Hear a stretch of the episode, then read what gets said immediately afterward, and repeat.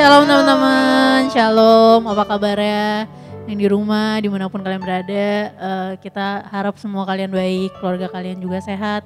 Um, sebentar kita mau mulai ibadah kita, teman-teman. Siapin hati, siapin diri kalian di mana pun kalian ada. Uh, siapin hati kalian yang paling penting, biar sama-sama kita ibadah, walaupun di rumah, tapi kita tetap bisa ngerasain hadirat Tuhan, teman-teman. Yuk sebelum kita mulai kita doa dulu yuk. Dalam surga Tuhan, terima kasih Tuhan Yesus, terima kasih Tuhan. Terima kasih Tuhan Yesus kalau misalnya kami masih ada sampai hari ini Tuhan Yesus Tuhan. Terima kasih Tuhan untuk setiap kami, untuk setiap keluarga kami Tuhan Yesus Tuhan. Untuk kondisi Tuhan yang saat ini terjadi kami percaya Tuhan, Tuhan tetap melindungi kami Tuhan, Tuhan tetap jaga kami Tuhan. Tuhan tetap jaga keluarga kami Tuhan Yesus Tuhan. Sebentar Tuhan kami mau menyembahmu Tuhan Yesus, kami mau memuji Engkau Tuhan, kami mau meninggikan Engkau Tuhan Yesus Tuhan. Bapak bertahta di dalam hidup kami Tuhan Yesus Tuhan. Biar hari ini kami boleh ketemu sama Tuhan, kami boleh berjumpa sama Tuhan Yesus Tuhan. Terima kasih Bapak yang baik, terima kasih Tuhan. Dalam nama Tuhan Yesus, haleluya.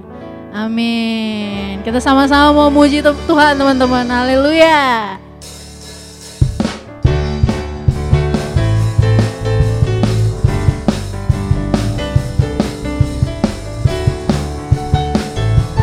Biar segala pujian hormat kami hanya untukmu Tuhan.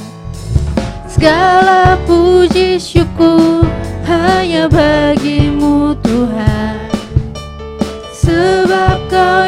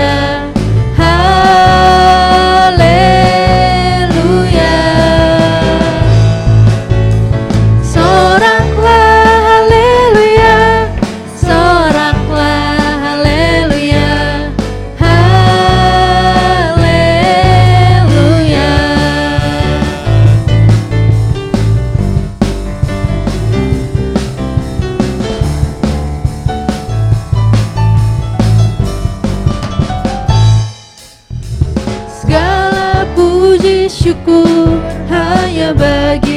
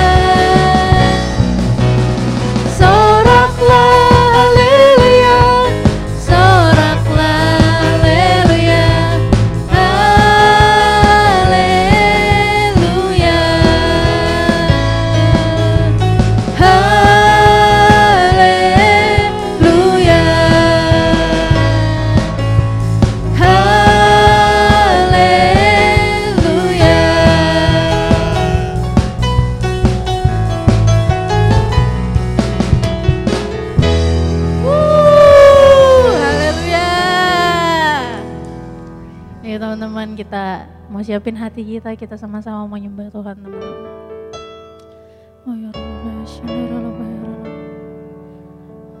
Tuhan, Tuhan, Tuhan, biar hari ini kami ketemu sama Engkau Tuhan Yesus Tuhan. Biar hari ini kami ketemu sama Engkau Tuhan Yesus Tuhan. Biar kami merasakan hadiratmu Tuhan Yesus Tuhan. Kira la bayar, la bayar, la bayar, la bayar, la bayar. bist saat ku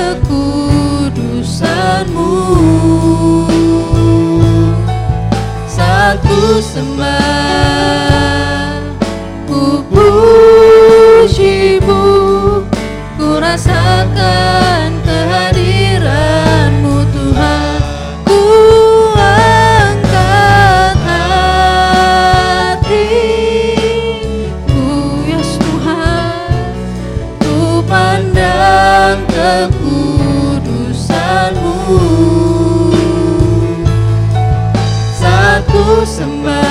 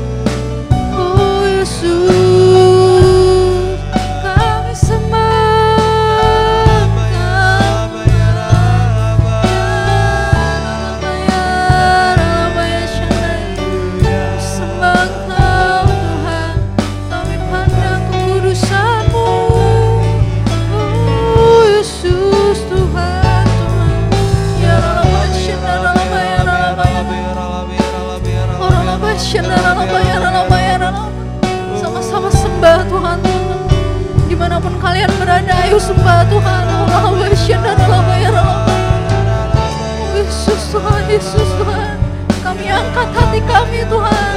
Kami angkat hati kami Tuhan Yesus Tuhan. Oh, orang lebay, syedar, orang lebay.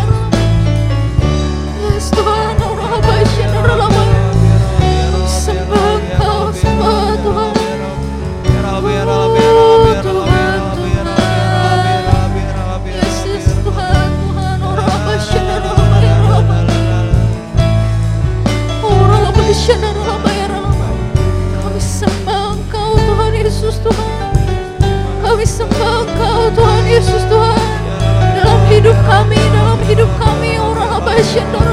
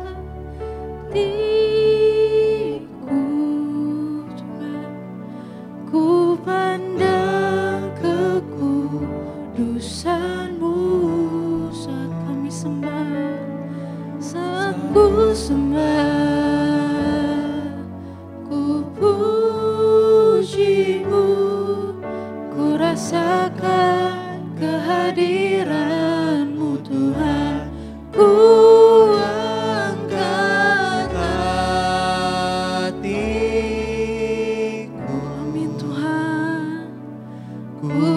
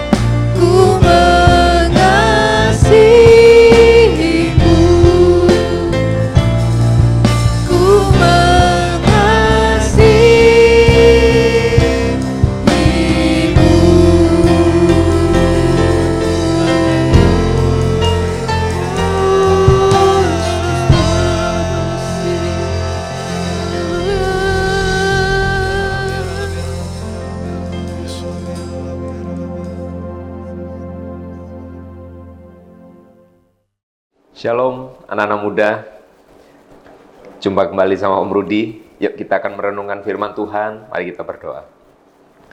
Kami bersyukur Tuhan buat segala kebaikan Tuhan. Engkau Allah yang luar biasa. Kami percaya Tuhan, apa pun situasi yang sedang berjalan dan kami hadapi, kami percaya pertolongan, perlindungan, penyertaan Tuhan ada dalam hidup setiap kami. Terima kasih Tuhan. Berbicaralah kepada setiap kami, tolong kami supaya kami boleh dipimpin oleh Roh Kudus. Dalam nama Yesus kami berdoa. Haleluya. Amin. Puji Tuhan. Nah, anak-anak mudanya Tuhan, Om Rudi pengen apa ya, semacam share sesuatu pada hari ini. Kita sering dengar firman, ya. Kalian baca Alkitab juga toh, ya. Kita baca Alkitab, ya. Kalau dari Koben sih berapa pasal tuh? 10 pasal gitu ya. Wah, banyak banget ya. Nah, salah satu menyiasatinya adalah kita bisa membaca satu jam satu pasal sih. Nah, di sisi yang lain, dengan satu jam satu pasal kita baca, itu akan mengingatkan kita terus hubungan kita sama Tuhan. ya. Jadi pikirannya lagi nggak bener nih, contohnya ya. Lalu ketika, oh iya ya, saya mesti baca nih, ya. Mungkin di handphone dikasih pakai apa sih? Semacam alarm gitu ya. Pokoknya satu jam sekali baca satu pasal gitu ya. Nah, pikiran lagi nggak bener kita ketika kita baca, maka pikiran diselaraskan lagi. Oh Tuhan, nggak bener ini, ampuni Tuhan. Ya, nah, oke. Jadi Om Rudi harap begitu. Firman yang kita baca, khotbah yang kita dengar, ya renungan semacam ini, ya online, offline atau apa pun caranya, Om Rudi berharap kita bisa mengerti semacam bekerjanya firman. Ya, kalau Om Rudi tanya, kita pasti pengen nggak hidup kita ini ditolong Tuhan? Jawabannya pasti kepengen. Pengen nggak hidup kita ini ngalami mujizat Tuhan? Pasti kepengen. Nah, bagaimana firman itu bekerja? Ya, Om Rudi kasih sedikit sedikit sharing dari situ. Om Rudi ambil contoh ya. Ketika Petrus dan Andreas saudaranya, Simon dan Andreas menjala ikan, maka Yesus datang, Matius 4 ayat 18-19. Lalu Yesus berkata begini, Mari ikutlah aku dan kamu akan kujadikan penjala manusia.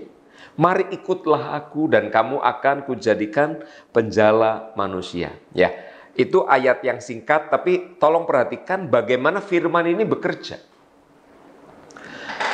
Jadi ketika kita dengar firman, ketika kita dengar khotbah, baca Alkitab, berarti firman itu datang. Ya. Jadi pertama firman itu datang sama kita. Nah, ketika firman itu datang, ada nggak maksud Tuhan terhadap firman yang disampaikan kepada kita nih? Pasti ada. Ya, apa itu Om? Yang pertama Tuhan kepengen firman itu mulai mempengaruhi kita. Tadinya mau melakukan yang keliru, begitu firman datang langsung, iya iya, kayaknya nggak cocok nih. Lalu kita nggak jadi melakukan yang keliru. Itu namanya firman apa? Mempengaruhi. Ya, firman terus kita baca, lagi kesel, lagi marah, lagi khawatir, lagi apa pun berbagai perasaan kita. Terus firman itu datang. Lalu firman itu mulai mempengaruhi ya, mempengaruhi hidup saya, mempengaruhi hidup kita. Yang tadinya mau melenceng-melenceng dipengaruhi, ya. Jadi kita pengen jalan kita dilurusin lagi. Kenapa? Karena firman mempengaruhi. Yang kedua, firman Tuhan yang kita dengar ya dalam berbagai media lah, dalam berbagai platform ya. Mungkin eh, kadang di midweeks, kadang juga kita di ibadah minggu, kadang ada yang ngobrol-ngobrol tuh ya. Uh, Billy, Helen dan narasumber-narasumber begitu. Apa pun jenisnya tapi biarlah itu mulai satu mempengaruhi ya. Nah, yang kedua, firman itu bukan hanya mempengaruhi. Firman itu sebetulnya dimaksudkan Tuhan mau menuntun kita. Menuntun, ya.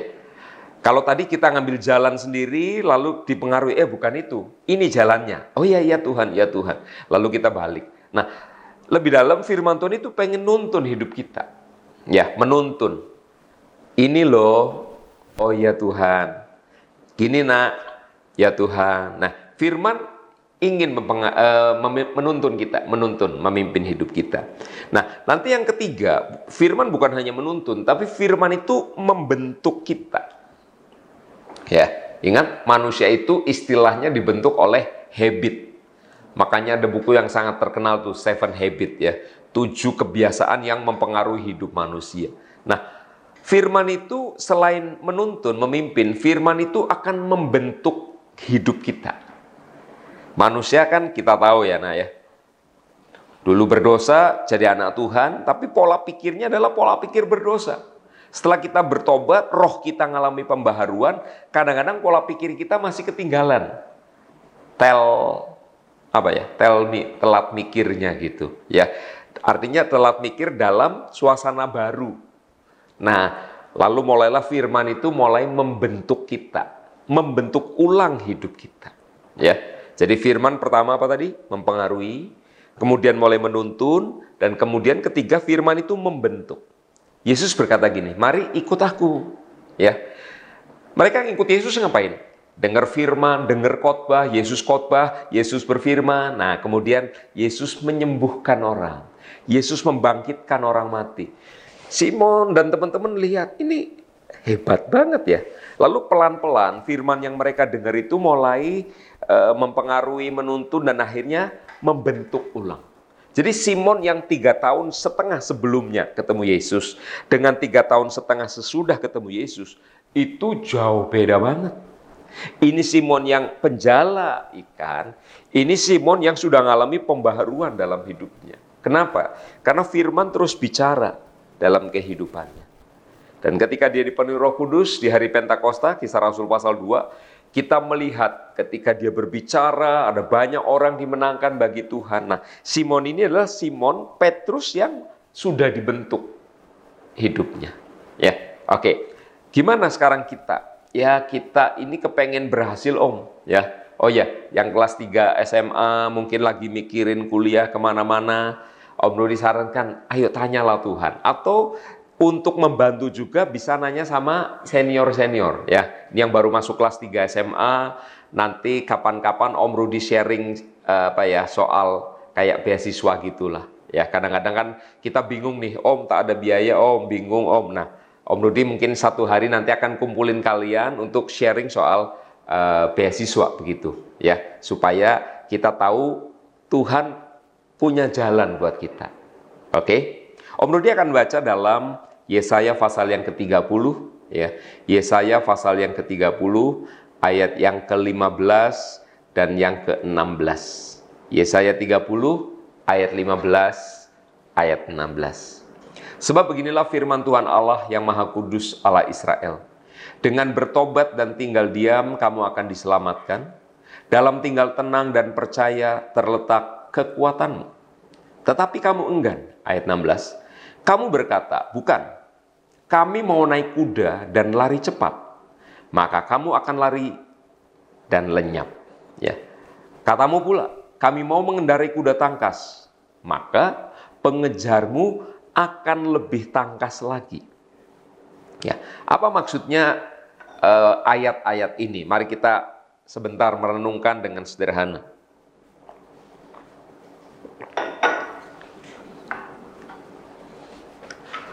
Ayat ini berkata, dengan bertobat dan tinggal diam, kamu akan diselamatkan. Dalam masa-masa sekarang, orang keluhannya bosen di rumah, ya. Nanti pas di luar kerja terus, bosen kerja, ya. Lama di kendaraan, bosen macet, ya. Jadi orang itu serba bosen gitu. Nah, kalau Om Rudi sendiri secara pribadi di kantor Puji Tuhan senang. Di gereja, ya senang juga menikmati. Di rumah, ya senang juga menikmati. ya Jadi kaum rebahan namanya. Rebah terus. ya maksud maksud Om Rudi gini. Mungkin Om Rudi memiliki rasa syukur yang cadangannya banyak gitu. Ya, jadi di mana-mana Om Rudi bersyukur. Di kantor ya puji Tuhan, di rumah puji Tuhan juga sama buat Om Rudi ya. Karena Om Rudi bisa ngerjakan apa-apa di mana-mana begitu ya. Kan Om Rudi banyak mikir dan sebagainya. Nah oke okay, sekarang cerita lagi di rumah. Ketika di rumah ketika orang kemudian apa ya ngumpul sama keluarga. Nah sisi baiknya adalah anak-anak dan mama papa jadi semakin dekat fisiknya gitu ya. Tapi kadang-kadang ada juga nih di Ethiopia, ya, di Kirgistan, di Albania, ya. Anak dan orang tua kemudian jadi ribut, ya, karena sering ngumpul barangkali, lalu eh, terjadilah miskomunikasi dan sebagainya, maka ya jadi suasananya tidak enak dan sebagainya. Yang lain dalam kehidupan anak-anak kehidupan orang dewasa kadang ada hal-hal yang di mana kita ini apa ya melakukan kesalahan-kesalahan ya melakukan dosa. Nah nah keadaan-keadaan itu kemudian membuat situasi menjadi tidak enak dan tidak baik. Ayat ini berkata dengan bertobat dan tinggal diam kamu akan diselamatkan. Nah sekarang kondisinya lagi nggak baik nih anggaplah ada keributan orang tua dan anak. Anggaplah ada keributan ayah saudara sama saudara ya. Kadang-kadang ada rebutan sosis ya. Rebutan susu ya. Rebutan uh, kue dan lain. Kadang-kadang nggak rebutan dorong-dorongan siapa yang harus ngabisin gitu ya dan lain sebagainya. Atau kita dalam satu hari kita ngalami kondisi yang berdosa ya. Melakukan apa yang tidak boleh dilakukan kondisinya lagi pandemi kayak gini. Jadi macam mana ini? Ya, jadi pandemi di sisi lain membuat orang tinggal di rumah ada hal positif, tapi kadang-kadang yang negatif terjadi. Ayat ini memberikan jalan keluar demikian. Dengan bertobat dan tinggal diam, kamu akan diselamatkan. Ketika kita merasa, iya ya aku sebetulnya keliru nih. Apa ya yang harus aku lakukan? Udah, satu bertobat, artinya bertobat itu berbalik. Ya. Lalu tinggal diam. Tinggal diam artinya kita sadar kita ini yang keliru, maka kita ya salah. Cari Tuhan, minta supaya Tuhan tolong, Tuhan selamatkan. Ayat ini berkata dengan bertobat dan tinggal diam, kamu akan diselamatkan. Dengan tinggal tenang dan percaya terletak kekuatanmu. Ketika kita dalam kondisi yang tadi, Om Rudi sebut aja berdosa gitu ya, macam-macam ya. Yang menjadi sorotan mungkin dengan sekarang media ya, itu apa ya istilahnya ya? Sex impurity, ketidakkudusan seksual. Dalam berbagai hal, dalam berbagai aspek itu menyerang ya, orang tua, orang muda, semua akan diserang itu. Saya keliru, saya salah. Apa yang harus saya kerjakan? bertobat, tinggal diam. maka kamu akan diselamatkan. Ya, kita akan diampuni ketika datang sama Tuhan, cari Tuhan, ya. Udahlah, saya keliru Tuhan, saya salah Tuhan. Ya, tidak perlu nyalahin orang lain di sekitar kita. Istilahnya cari kambing apa? cari kambing congek gitu ya, cari kambing hitam. Ya, ya si om, si orang tua saya gini, ya ini om adik saya, kakak saya, ya. Oke, mungkin mereka ada andil salahnya. Tapi ayo lihat ke dalam. Firman Tuhan hari ini berkata, bertobat dan tinggal diam, kamu akan diselamatkan. Urusan sama Tuhan itu kan sebetulnya nggak susah, nggak rumit. Diam, cari Tuhan dalam doa kita, bilang Tuhan saya keliru, saya salah, cari Tuhan ya. Udah, tenang, diam, maka kamu akan diselamatkan. Lalu dalam tinggal tenang dan percaya, oke, saya nggak mau percaya pada diri saya sendiri. Saya mau mempercayai Tuhan. Karena banyak orang berpikir dengan kekuatannya sendiri itu dia bisa ngatasi. Apalagi persoalan kedagingan. Ingat, kedagingan itu dari mana? Ya dari kita sendiri. Mosok dari kita bisa mengalahkan kita. Ya enggak, kita pasti akan membela kita. Eh, maksudnya? Saya akan membela kedagingan saya. Nah, ayat ini bilang, ayo tinggal tenang di hadirat Tuhan. Percayalah sama Tuhan, ya. Maka dikatakan kekuatanmu ada nanti. Di situ terletak kekuatanmu, ya.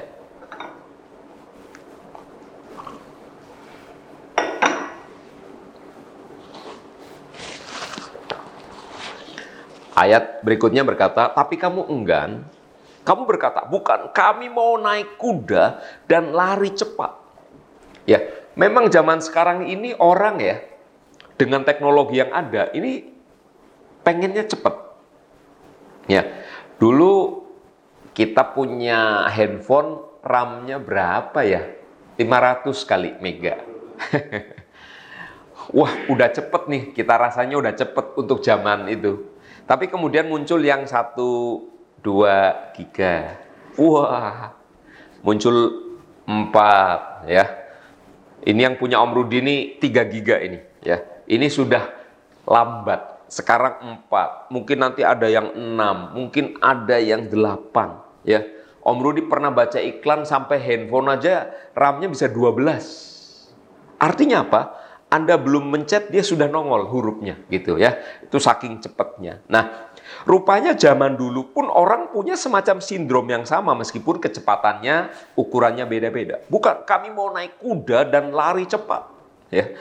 Bukannya tinggal diam di hadirat Tuhan, tapi kita pengen beraktivitas dan memperbanyak aktivitas. Kami pengen naik kuda. Ingat, kuda itu lambang ke kecepatan dan kekuatan. Dan lari cepat. Ayatnya berikutnya berkata, maka kamu akan lari dan lenyap Katamu, kami mau mengendari kuda tangkas, maka pengejarmu akan lebih tangkas lagi.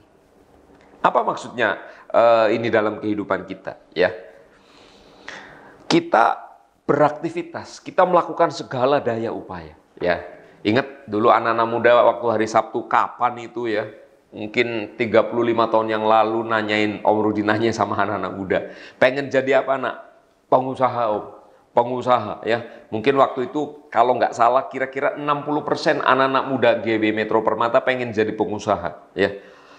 Uh, apa ya?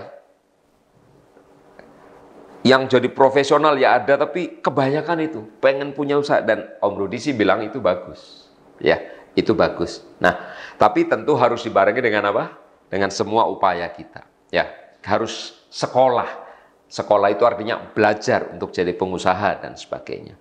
Nah, di tengah kehidupan yang kita tahu semakin hari semakin cepat ini, maka orang punya moto yang mirip-mirip. Kami mau mengendari kuda yang tangkas, maka pengejarmu akan lebih tangkas lagi.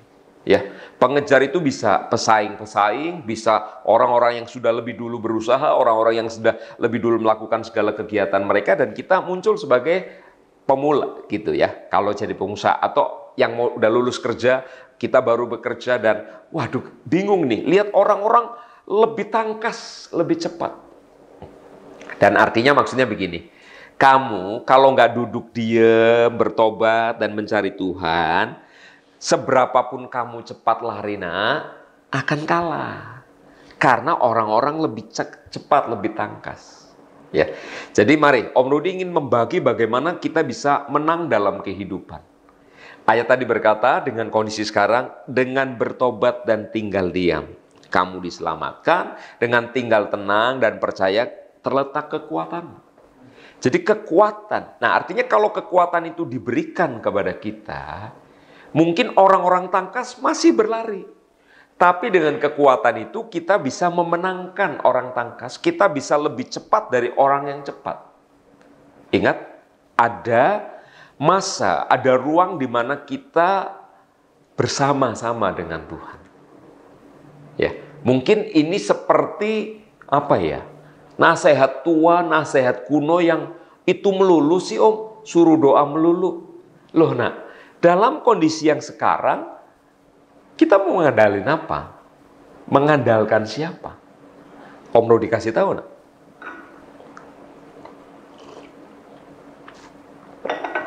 Bahkan orang-orang yang sudah lama dalam pelayak, dalam pekerjaan, dalam bisnis, semuanya sekarang hari ini teler. Tahu teler?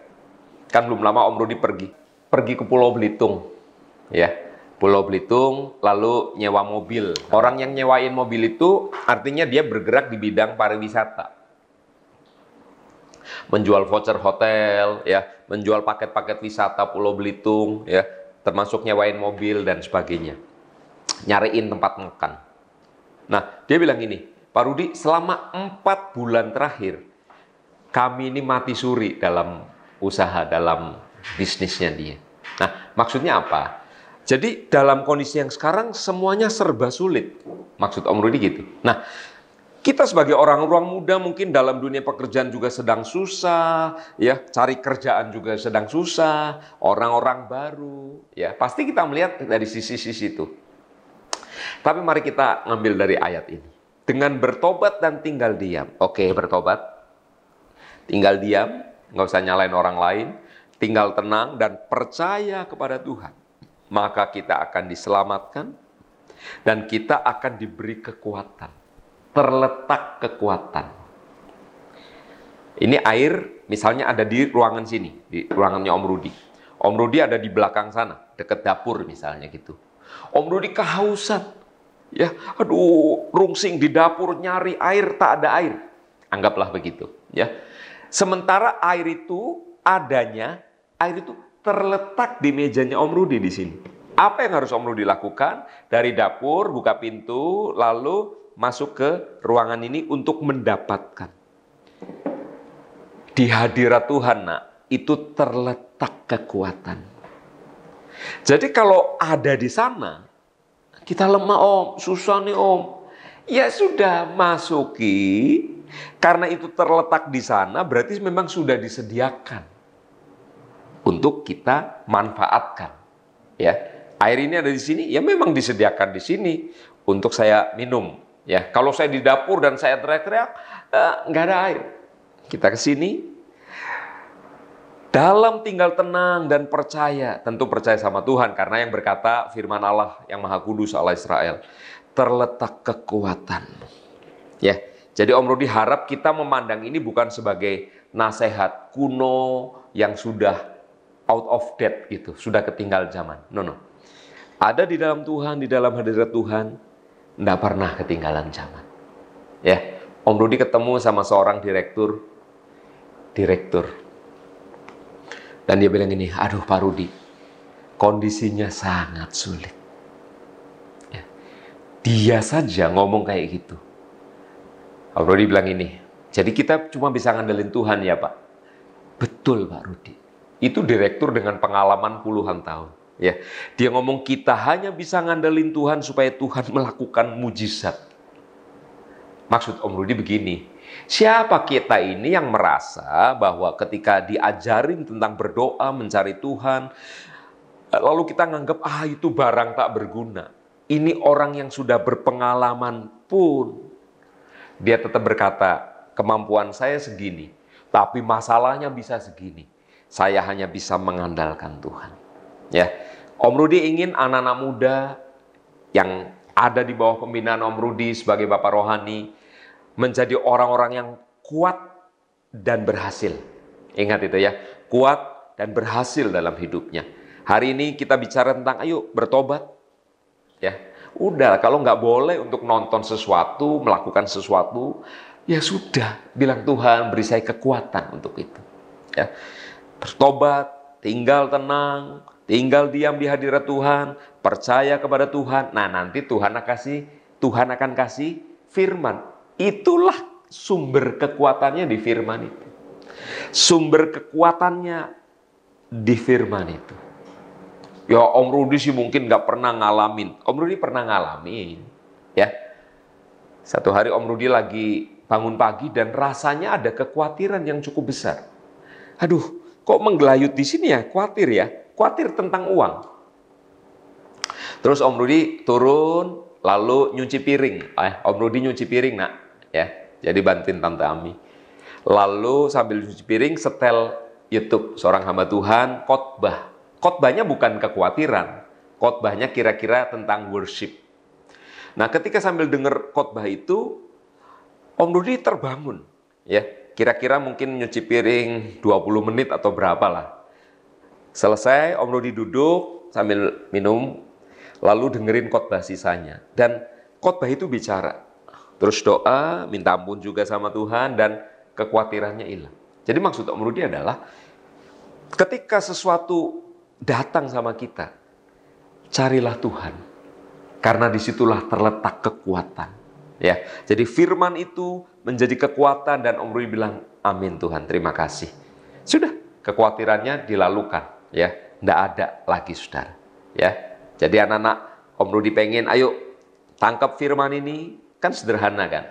Hari Senin Om Rudi ngadain doa, ikut aja. Rebo, Jumat, hari Kamis, lalu ada yud, ada ibadah umum, ikutlah.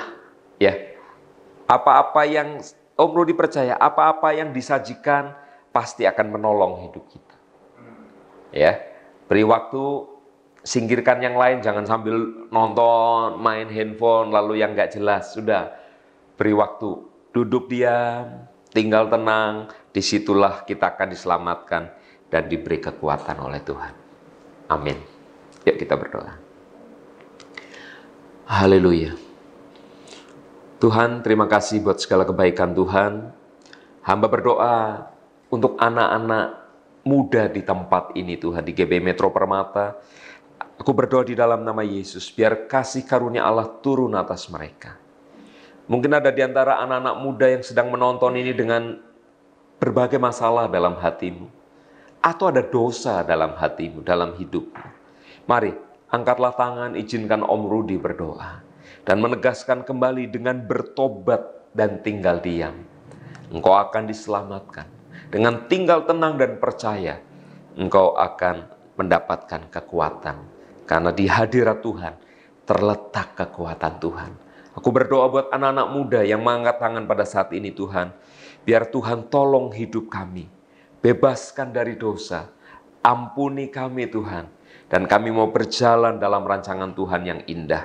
Terima kasih Tuhan, biar anak-anak muda menjadi anak-anak muda yang kuat dan berhasil dalam hidup mereka.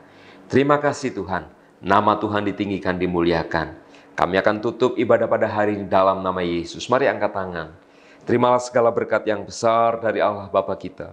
Di dalam Kristus Yesus anak yang tunggal. Penyertaan dari Allah Roh Kudus menyertai kita semua.